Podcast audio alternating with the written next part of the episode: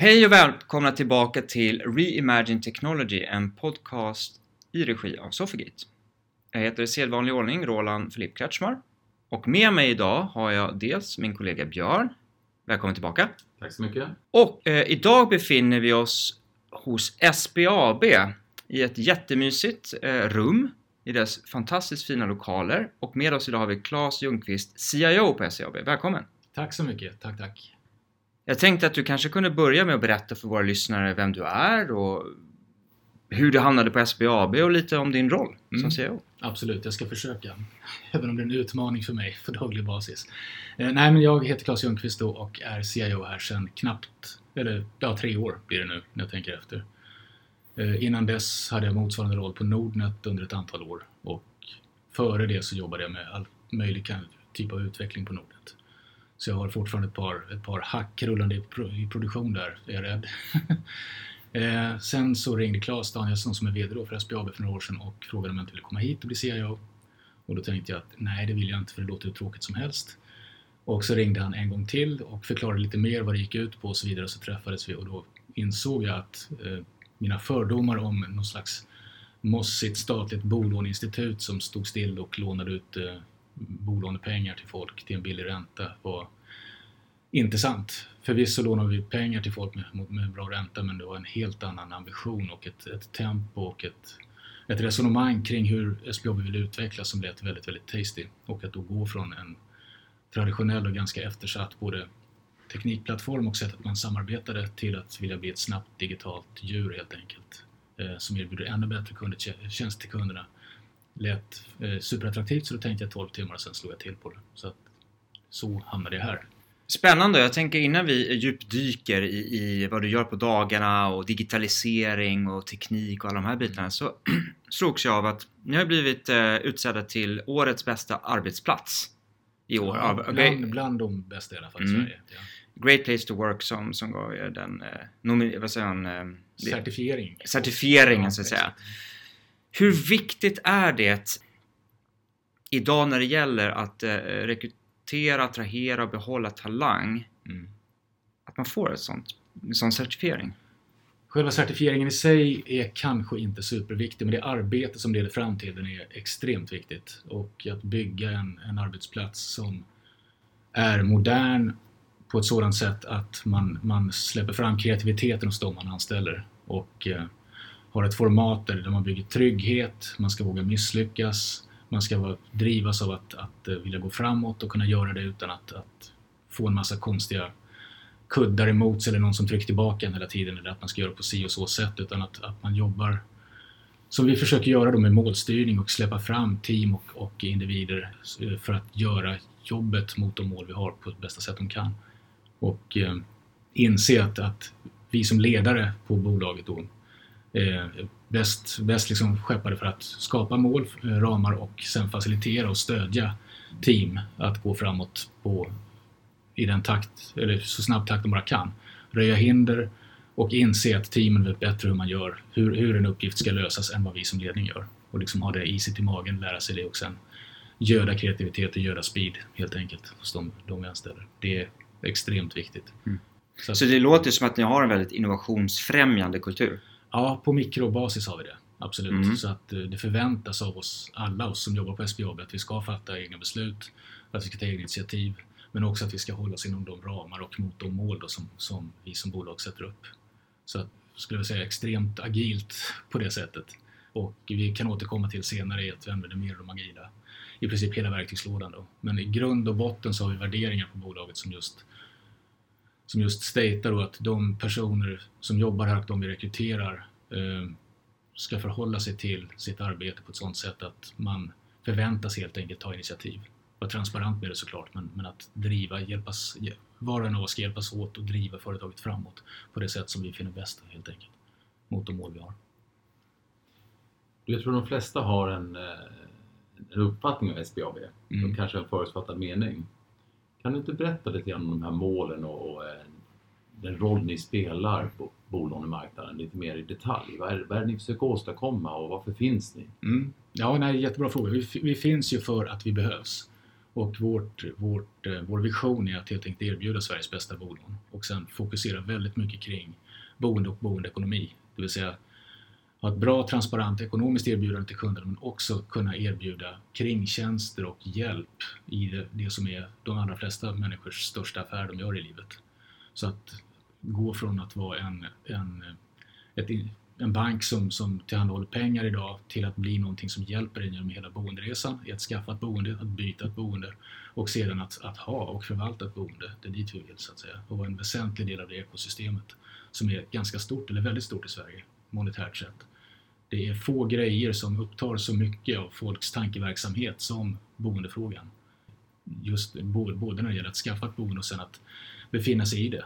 Värmepannan går sönder, eller vad ska jag ha för försäkring? Eller tänk om, jag, om grannen säljer, hur påverkar det mig? Och så vidare. och så vidare, och så vidare. Det finns mängder med frågeställningar som, som upptar en ganska stor del av folks vakna tid, skulle jag vilja säga. Så att där vill vi vara som ett stöd. Och för alla som följer eh, kvartalsrapporter och bokslut på banker så ser man att man tjänar väldigt mycket pengar på, på bolån. Man tjänar väldigt mycket pengar på bolån, så är det. Mm. Tjänar man för mycket pengar? Ja, det kan jag tycka att, att, att man gör generellt och det har vi också uppmärksammat själva genom att ligga, vara ganska tidiga, ofta först med att räntejustera ner för att vi tycker att det är för dyrt. Att vi tjänar för mycket. Eh, helt enkelt. Vår marginal blir oanständigt hög, kan vi tycka. Och på kundernas bekostnad, så därför är vi ofta ganska tidiga med att eh, jobba med räntan på det sättet. Att, att gå neråt helt enkelt. Vi ska, vi ska ha en bra marginal men den ska vara anständig. Mm. Ligger det i ert uppdrag och hur ser ägarna på det här? Eh, nej, det ligger inte explicit i vårt uppdrag. I vårt uppdrag ligger att driva digitalisering eh, och hållbarhet och vara en transparent och bra frontrunner när det gäller boende helt enkelt. Så att vi är liksom inga, ni ska vara prispressare eller någonting sånt, det finns inte. Utan vi ska vara en, en schysst spelare på marknaden helt enkelt. Och sen konkurrerar vi på sam, med samma villkor som alla andra banker gör. Jag läste ett utkast i en intervju med er också. Ja. Där man pratar om att det finns såklart ett arv, ett teknikarv. Och att man har en agenda nu att byta några av de här eh, äldre kärnsystemen mot nya plattformar. Kan du berätta lite mer om det? Ja, absolut, så gott jag kan. Nej, men det ska jag göra. Alltså i, vårt, i vår strävan efter att erbjuda Sveriges bästa bolån och vara bäst på boende och boendeekonomi så ligger det väldigt mycket i det digitala mötet och även, även eh, det mänskliga kundmötet så att säga. Vi är en telefonbank från början och vi har fortsatt vara en distansbank genom alla år så att våra kunder och de som vill bli kunder kontaktar oss, har kontaktat oss traditionellt bara genom telefon och sen har vi sen med internet och allting då kompletterat det naturligtvis med internetsajt, mobilapp, sociala medier och så vidare för, för att öka touchpointsen mot, mot kunderna. Och i en, som en digital spelare i en digital marknad så inser vi att, att eh, det som är viktigast för oss för att kunna lyckas vara bäst och överleva överhuvudtaget är att vara snabba och flexibla. Och då har vi en systemplattform som liksom har hängt med oss i väldigt många år och gjort ett bra jobb. Men som mindre och mindre då stöder kraven på snabbhet framåt. Så då insåg SBAB innan jag kom in faktiskt, så jag kan inte ta någon cred för det, men att, att vi måste göra någonting åt saken för man har byggt på väldigt, väldigt mycket under många års tid. Och att det börjar liksom, det blir dyrt och svårt att ta mycket tid att lägga till nya grejer till det här. Så att vi måste, vi måste städa helt enkelt i systembeståndet. Då. Så det är en viktig del av att, att lära sig bli snabb. Den andra har med arbete att göra, eh, arbetsformer och samarbete och så vidare som jag kan komma in på lite senare. Men det vi gör systemplattformsmässigt sett då är att vi har ett antal kärnsystem i botten som de har gjort, gjort sitt och gjort det bra men det är dags att byta dem. Och ett stort antal integrationer ovanpå de här som då kopplar ihop våra digitala kanaler med med standard bankfunktionalitet så att säga. Och det, är, det är det vi håller på med nu, att helt enkelt byta ut bassystemen och byta ut integrationerna. Så att bassystemen som vi kallar det för, det vill säga eh, traditionell banksystem, kontoförvaltning, ränteräkning, att prata med, med eh, Bank-Sverige utanför SBAB, det vill säga BGC till exempel, och interbankkommunikation. Det sånt där behöver inte vi vara bäst på, utan det kan vi låta någon annan hjälpa till med och ha, se på det som standard så vi sällan behöver ändra. Däremot bör vi lägga vårt eget krut i kundmötet, det vill säga våra digitala kanaler och integrationer som binder ihop dem med, med det som ligger under. Så att i takt med att vi byter ut de här så kallade bassystemen i botten så byter vi dessutom ut alla integrationer och eh, bygger snabba mikrotjänster istället. Som vi, där vi kan vara supersnabba i förändring och eh, förändra lite grann i taget väldigt ofta om man säger så. Istället för att förändra en stor kloss med en massa funktionalitet i och sen ont i magen för att stoppa den i produktion så försöker vi bryta upp klossen i små legobitar där vi kan eh, produktionssätta då legobitarna var för sig, låta teamen ta ansvar för sina legobitar och springa så fort det bara går. Under kontrollerade former givetvis. Vi har ju compliance-krav att förhålla oss till och vi har uptime-krav där vi blir bättre och bättre och bättre mot kunderna hela tiden. Och det här tror vi då eller är vi övertygade om, ska, eller jag är i alla fall övertygad om det, att eh, det här är en nyckelförmåga för att kunna driva ett bra kundmöte, både på i digitala kanaler men också i mänskliga, vår, vår eh, kundservice som då är dit kunderna ringer helt enkelt. Ge dem ett bättre och bättre digitalt stöd så att de kan ge kunderna en bättre och effektivare hjälp hela tiden.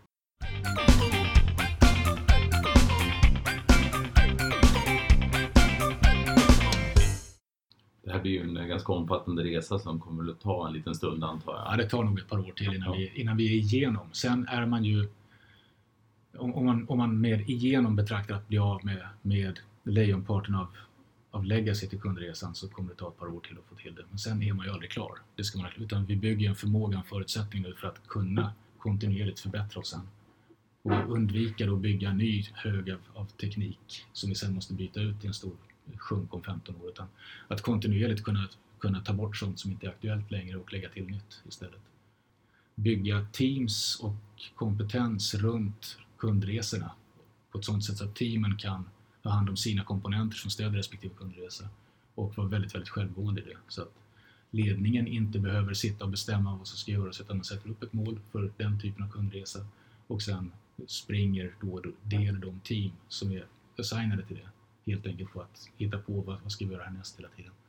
Och eh, förfina och komma med nya, eh, nya idéer och sen vidareutveckla det digitala och det mänskliga kundmötet helt enkelt. I tunna slices kan man säga, från, från kund ner till förvaltning. För vi lämnar sen inte över någonting till någon förvaltningsorganisation utan, utan det teamen bygger tar de hand om helt enkelt. Allt för att undvika beroende. Då antar jag att ni använder ramverk som Safe och DevOps och eh, agila metoder och så vidare. Men det måste vara en fantastisk kompetensresa för personalen också. Att från att ha eh, hanterat ett eh, traditionellt legacy-system och sen röra sig in i eh, kanske löst uttryckt en tjänsteorienterad arkitektur och SIAM och så vidare. Det måste vara spännande på dagarna för, för, för ditt team. Ja, ja, men så är det. Vi utvecklas eh, väldigt mycket varje dag skulle jag vilja säga. Eh, sen när det gäller ramverk så använder vi inte Safe till exempel. Vi försöker hålla oss ganska lätta och undvika att boxa in teamen i någonting som gör att de blir beroende av varandra eller av någonting annat. Utan istället försöka bygga autonomitet så mycket det bara går. Däremot så använder vi hela den agila lådan eh, på teamnivå eh, kan man säga. När det, gäller, när det gäller kompetensförändring och mindset och så vidare så skulle jag vilja säga att den, vi, vi rekryterar väldigt mycket, mycket ingenjörer. Och i hela ingenjörs eller teknikorganisationen så är man ju det är ju agila arbetsmetoder som gäller och det har man haft med sig från början. Sen har vi inte en teknikplattform som stöder det fullt ut, så det är den vi försöker jobba med nu. Då. Sen finns det stora utmaningar med, med eh, den agila resan vi är inne på, då, att bygga korsfunktionella eller verkligen fullkompetensteams med produktexperter, processexperter, kravare och ingenjörer som tillsammans tar sin lilla chunk, sin kundresa eller sina kundresor från start till mål hela tiden. Den eh, den biten jobbar vi med nu och den, det är en utmaning, absolut. Och det är det på alla bolag tror jag. Att gå från ett traditionellt linjetänk runt produkt och runt eh, tjänster och runt ditten datten och få ihop det där i ett team som jobbar med, med tillsammans varje dag med sina respektive kundresor. Det, man får liksom vrida sitt, sitt mindset 90 grader och försöka tänka på ett nytt sätt. Och säga att jag jobbar för det här teamet, för den här kundresan, snarare än att jag jobbar med det är inte helt snut i näsan. Dels hur man, hur man vinklar de här teamen så att de blir optimala när det gäller att, att kunna göra så mycket nytta för kunderna som möjligt utan att vara beroende av någon annan. Det är en, en liten balettdans i sig. Då. Men ett klassiskt sätt att liksom rikta teamen är att faktiskt titta på kundprocesser. Tidigare var vi organiserade runt system och det blev, det blev så att nästan alla förändringar vi behövde göra så var det ett, två eller tre system som behövde justeras och då var det ett eller två eller tre team som behövde påverkas av det här och då blev man beroende av varandras backlogs och det bara syltade ihop sig till, till ingenting. Då. Utan vi försöker att, att strömlinjeforma oberoendet helt enkelt. Både när det gäller samarbeten och när det gäller teknikplattformen under den. Så att...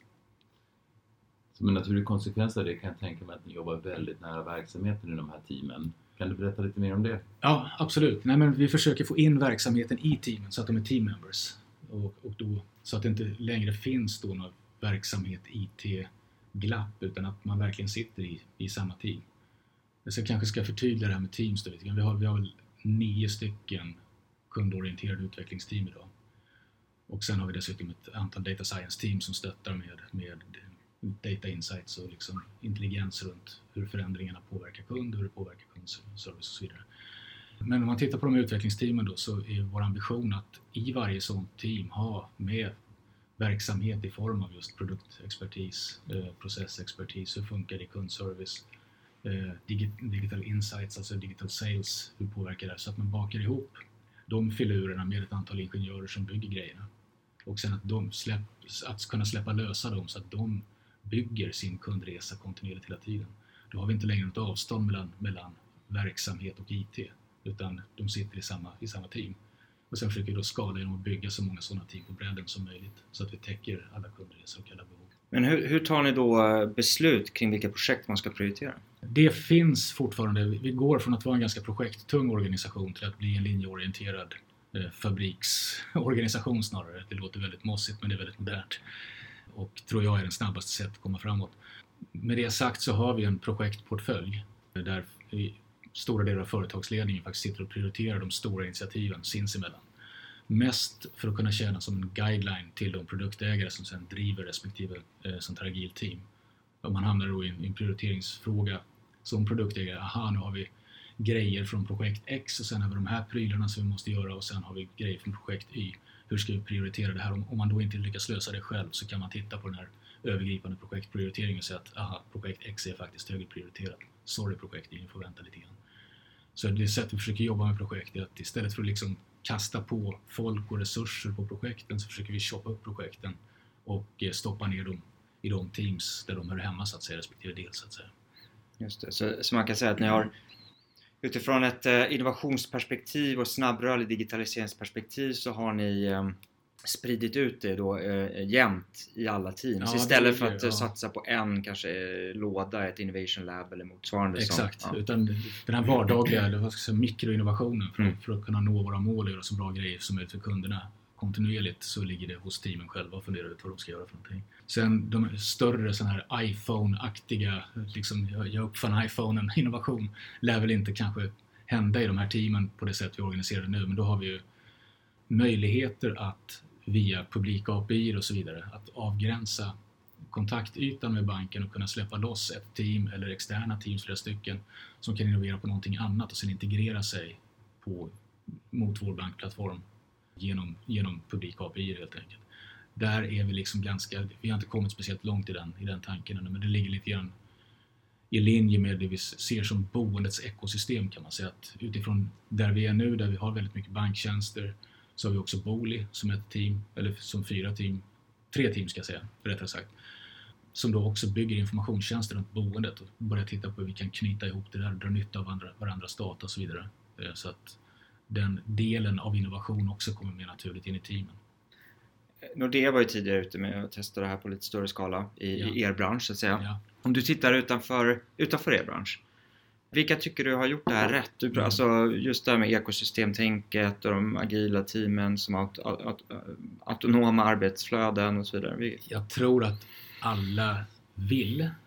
Få ligger speciellt långt fram, eh, sanningen att säga än så länge. Jag, utifrån mitt perspektiv tycker jag att Swedbank ser ut att ha kommit en bit på väg just när det gäller arbetssätt och hur man, hur man resonerar kring korsfunktionella team, projekt versus linje och så vidare. I alla fall det man, det man kan ta in som utanför, utomstående så att säga. Sen i de mindre nischbankerna, jag kommer själv från Nordnet, där jobbade vi ganska drivet åt det här hållet och släppte ett publikt API redan 2011 eh, för värdepappershandel som vi försökte boosta men det, det, var ingen som fattade konceptet riktigt då. Men sen har ju PSD2 kommit, lagkrav och så vidare. Så att lite grann tror jag också att det är när det gäller, när det gäller att publicera sina tjänster och man inser att man är en del av ett ekosystem så är det nog för en del aktörer lite grann under, under galgen tror jag. Man kanske egentligen inte vill släppa ifrån sig information men nu måste man så att ja men då får vi göra någonting av det. Eller så drivs man att vara transparent och inser att, att hela bankmarknaden och inte minst bolånemarknaden är på väg åt det hållet och vill då vara med och vara transparent och öppen.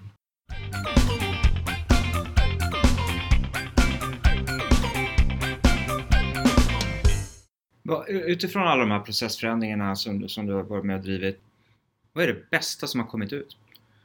det är en hel del bra saker. Alltså man, man, man stannar sällan upp och reflekterar utan tycker att, att vardagen mest består av en massa mindre utmaningar som man måste övervinna. Så övervinner man några stycken och känner man sig nöjd och sen åker man på en propp eller ett bakslag och så känner man sig. Men lyfter man, lyfter man blicken och kollar tillbaka lite grann så har vi, har vi fått tillsammans växt in en mycket, mycket större förståelse om vad det är som krävs för att bli snabb och nyttan av och vikten av att vara snabb, det skulle jag säga. Eh, tittar man rent resultatmässigt på, med teknikglasögonen på sig i alla fall, och produktutvecklingsglasögonen så mäter vi ju vår progress i hur mycket vi kan spotta ur oss hela tiden och där har vi på ett år lyckats tredubbla vår, vår leveranskapacitet. Nu är jag lite, det är lite rosa siffror här än så länge, men vi mäter den månadsvis och i oktober så tryckte vi oss 420 plus user stories på en månad när som helst utan downtime.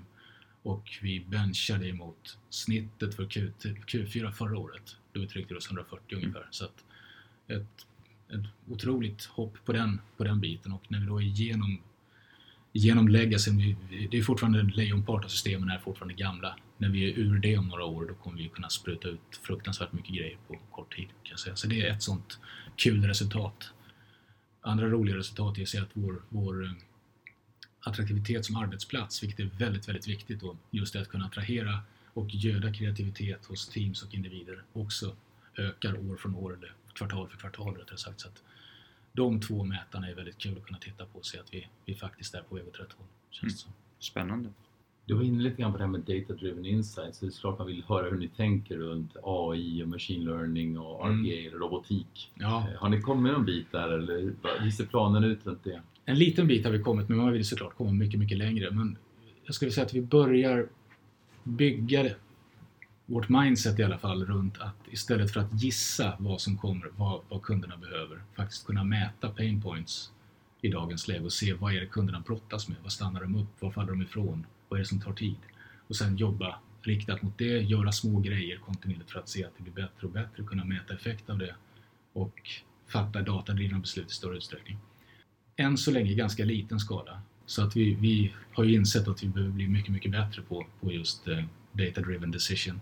Så därför har vi brutit ut vår gamla, eller gamla, vår, vår BI-enhet från som tidigare låg i tech till att bli en, en ledningsfunktion och liksom höja få mer strålkastarljus på just, på just databiten och eh, intelligensområdet så att säga. Så att de är nu en egen, egen enhet och kommer att fortsätta driva sin, driva på mer inom, inom vad ska man säga, dataområdet framöver. Och eh, så långt vi har kommit, vi har, vi har kommit så pass långt att vi har ett par prediktiva modeller som använder machine learning just för att kunna tolka, förutsäga churn och lite grann next, next, vad heter det? next best offer, en av de svåraste orden som finns att uttala. Men så vi är inte, vi är inte speciellt långt gångna. Vår ambition är att, att komma betydligt längre på att kunna fatta lejonparten av våra, våra tjänsteutvecklings och våra, våra kundservicebeslut datadrivet framöver. Så när det kommer till robotisering så är vi där och, och eh, försöker lära oss lite grann också. Så vi, vi har eh, skaffat oss en, en RPA eh, eh, plattform kan man säga som vi försöker att börja lära oss använda i en del administrativa processer.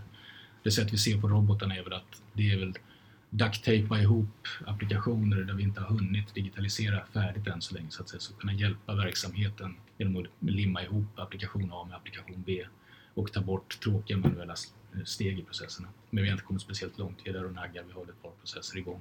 Men vi tror att vi kan göra mycket mer och att verksamheten själva kommer att kunna göra mer på det området utan att behöva sylta in sig med tekniksidan allt för mycket. På det temat, eh, behövs det en Chief Data Officer i ledningsgruppen? Om vi med Chief Data Officer menar, menar BI och Intelligence Nej, det kanske inte behövs, eller vi tror att det behövs för att just sätta trycket och, och fokuset på att lyfta oss från att vara en bank med hyfsad koll till att ha extremt bra datadriven koll.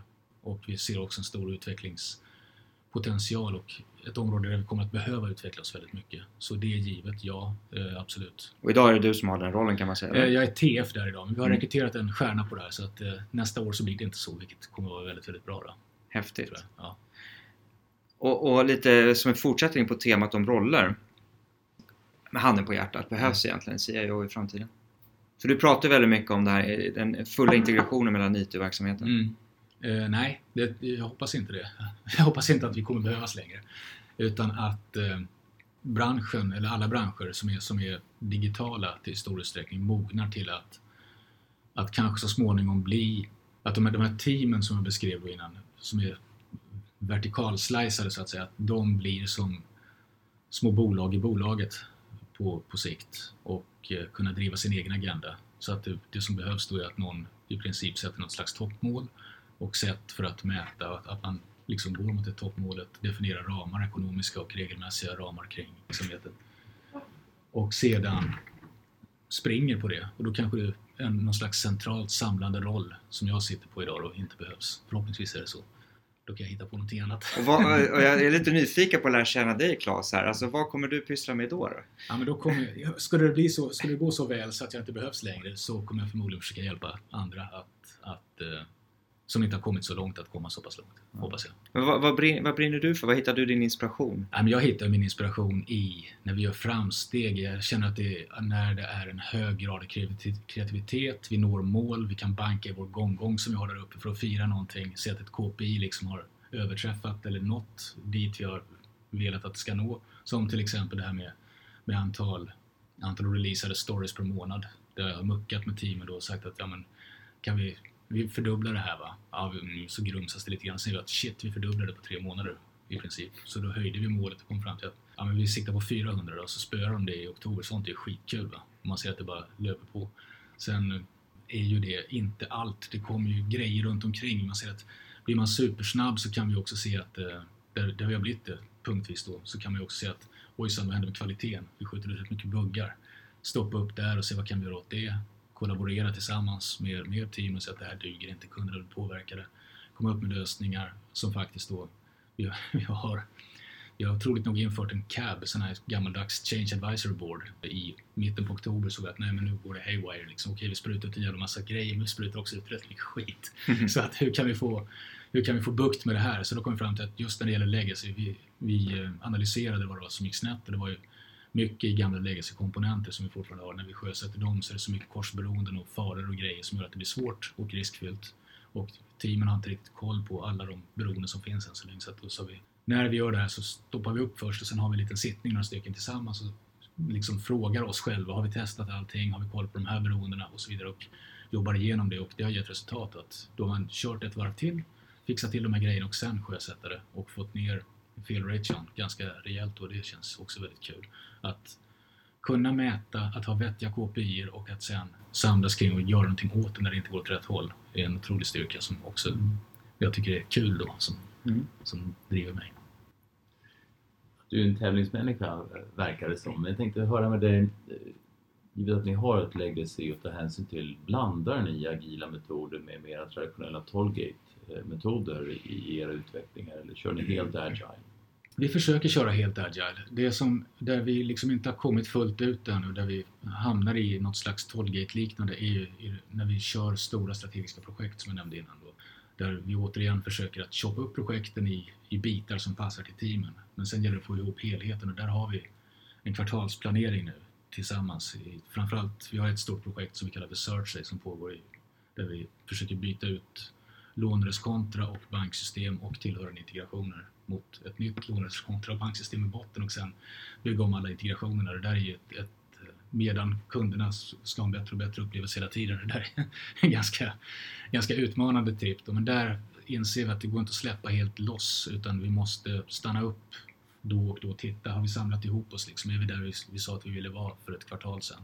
Planering för nästa kvartal och köra. Det där, det där är ju fortfarande en ganska en mix av det traditionella med, med det snabb, med det moderna kan man säga då, i utvecklings, utvecklingsparadigm, gud vilket ord, Nej, men, i utvecklingsmetod. Och vi försöker att förflytta oss från projekt i större och större utsträckning till linjedrivet eh, teamarbete. Vi är, vi är inte fullt ut där och det kommer vi nog inte vara på väldigt lång tid tror jag.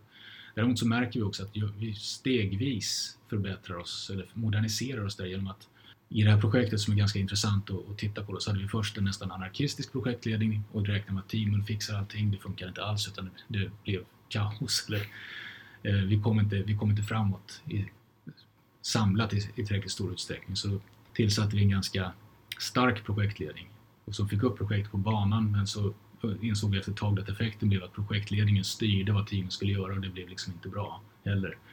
Så då lyfte projektledningen sig själv faktiskt ett steg bort från det här och försökte att inta en mer faciliterande och koordinerande roll och, och så att vi skulle kunna släppa upp teamen och produktägare och, eh, och så vidare och ta ett större grepp och ett större ägandeskap över det och då gick det bättre så den, den försöker vi nu att, att odla ytterligare och få, få på, på det sättet mindre av traditionell projektledning och mer av ett självdriv från de team som är inblandade i det.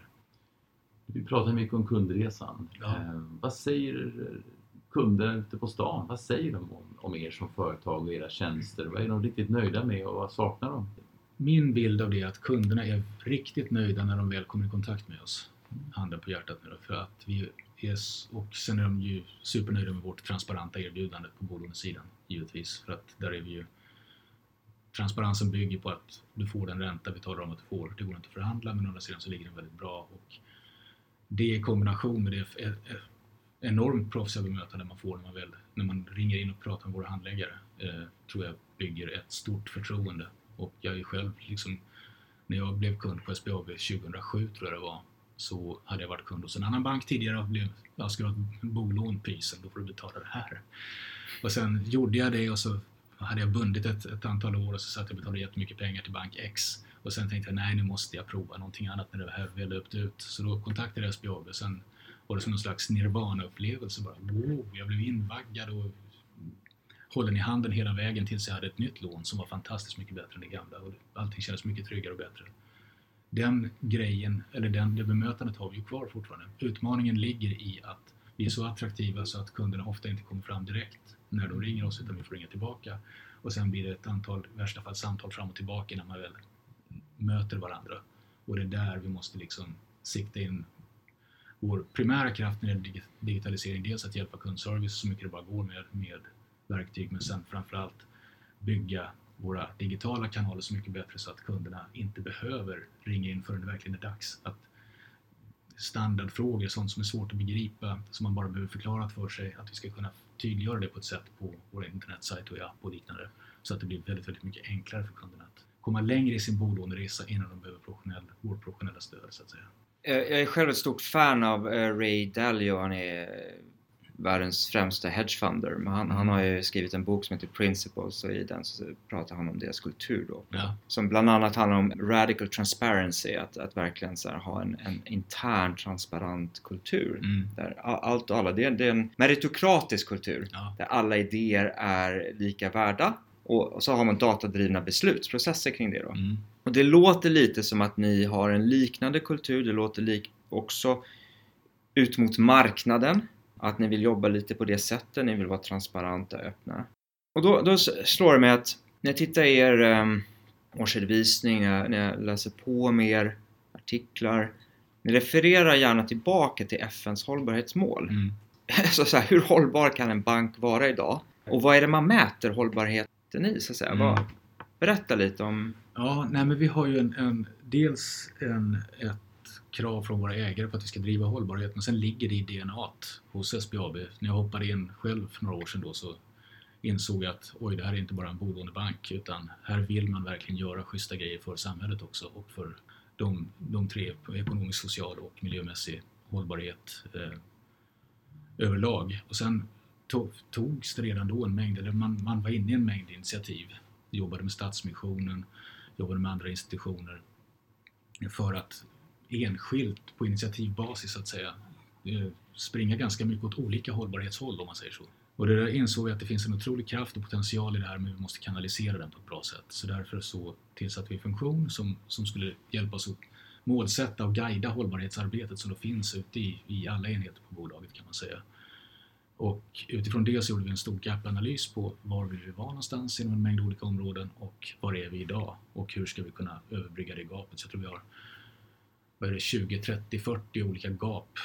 Jag kommer inte ihåg hur många, hur många de är nu exakt, men som adresserar då egentligen FNs eh, hållbarhetsmål. Och vi har valt ut ett antal av dem som tycker att de här är relevanta för oss för att vi kan göra en insats här, fyra stycken mål. Och sen försöker vi att kanalisera då alla olika initiativ och de här gapen mot insatser som ska leda mot de här, de här fyra hållbarhetsmålen helt enkelt. Sen mäter vi progress på kvartalsbasis skulle jag säga hur inom respektive gap, hur långt har vi som bolag kommit? Har vi gjort några framsteg? Kan vi säga att vi nu har gått från, från eh, defensive till compliant eller vidare till managerial och så vidare och mäter det på det sättet. Så det är en upplevelsebaserad mätning eh, i det vi tycker att vi har gjort inom respektive gap. Det här kanske blir sista frågan då, men om du nu får ta tillfället i akt, vi har ju rätt många lyssnare eh, som kanske sitter under julhelgerna som stundar här och funderar på ett karriärbyte. Mm. Om man nu är Sveriges bästa computer scientist eller ingenjör mm. eller så, varför ska man börja jobba på SBAB? är ju en jättebra fråga. Nej men så här är det. Vi rekryterar och attraherar väldigt mycket utvecklare. Eh, vi har gått från att, från att vara ett, ett icke-varumärke på i, i, inom employer branding så att säga, Teknik Stockholm eller Teknik Sverige Eh, till att faktiskt börja få någon, någon slags folk, folk fatt, det är inte så att SBAB vad är det utan nu är det faktiskt, ja, men jag har ändå hört lite grann om att det är ganska coolt att jobba där. Och när man sen kommer hit och börjar jobba här så är min upplevelse i alla fall att folk blir väldigt positivt överraskade över hur långt vi har kommit i just sättet att jobba med team, att man kan vara väldigt kreativ, att det är väldigt mycket teamwork, att det är väldigt fokuserat teamwork, att vi har kommit ganska långt i att jobba med agila metoder och målstyrning som gör att jag som ledare inte, jag, jag borde aldrig eh, gå in och eh, försöka tala om för ett team vad de ska göra. Jag gör fortfarande misstaget någon gång ibland, men jag har alltid fel och inser det. Va? Så att vi släpper väldigt, väldigt mycket loss när det gäller kreativitet och framåt, framåt lutning till både data scientists och eh, utvecklingsingenjörer. Sen är det rätt roliga teknikprylar vi håller på med. Vi kör ju till exempel extremt fast deployment till, till eh, en molnarkitektur som vi byggt upp då där återigen teamen har fullt bestämmande över hur, vad de ska produktionssätta. De har inte fullt bestämmande hur de gör det utan det bygger pipelines. Vi har ett stödteam som bygger då deployment pipelines till teamen så att de kan få ut sina grejer så fort som det bara går, så säkert som möjligt så, med så stor grad av automatisering som möjligt. Så man slipper sitta och grotta med brandvägsöppningar eller säkerhetskrav eller någonting annat utan det är inbyggt automatiserat redan. Sen är det upp till alla att påverka det för de kan också bli bättre våra deploymentverktyg och våra teknikplattformen som sån. Så att det är upp till alla att chippa in och, och bidra med förbättringar i det också. Men så en väldigt kreativ atmosfär, kul teknik, att gå från det gamla till det nya innebär att man får sitta och grotta lite grann i gammalt jox men att, att man också bygger nya prylar som vi sen deployar i, i Docker containers så att det går väldigt, väldigt smidigt och smooth att få ut, få ut grejer i produktion. Det är bra, bra pitch tycker jag. Ja, Eller hur? jag hoppas det. För det är, det är skitkul att jobba här när man väl kommer hit. Ja. Man inser kanske inte det förrän man är innanför dörrarna men sen är det fullt, fullt spett så att säga framåt. Härligt! Mm. Det här var ett eh, spännande, inspirerande samtal med Claes Ljungqvist, jag är på SBAB. Jag hade med mig också min kollega Björn Olofsson. Tack så mycket. Själv heter i sedvanlig ordning Roland Filip Kretschmar. Det här var Reimagine Technology, en podcast i regi av Sofigate. Tack så mycket! Tack, tack!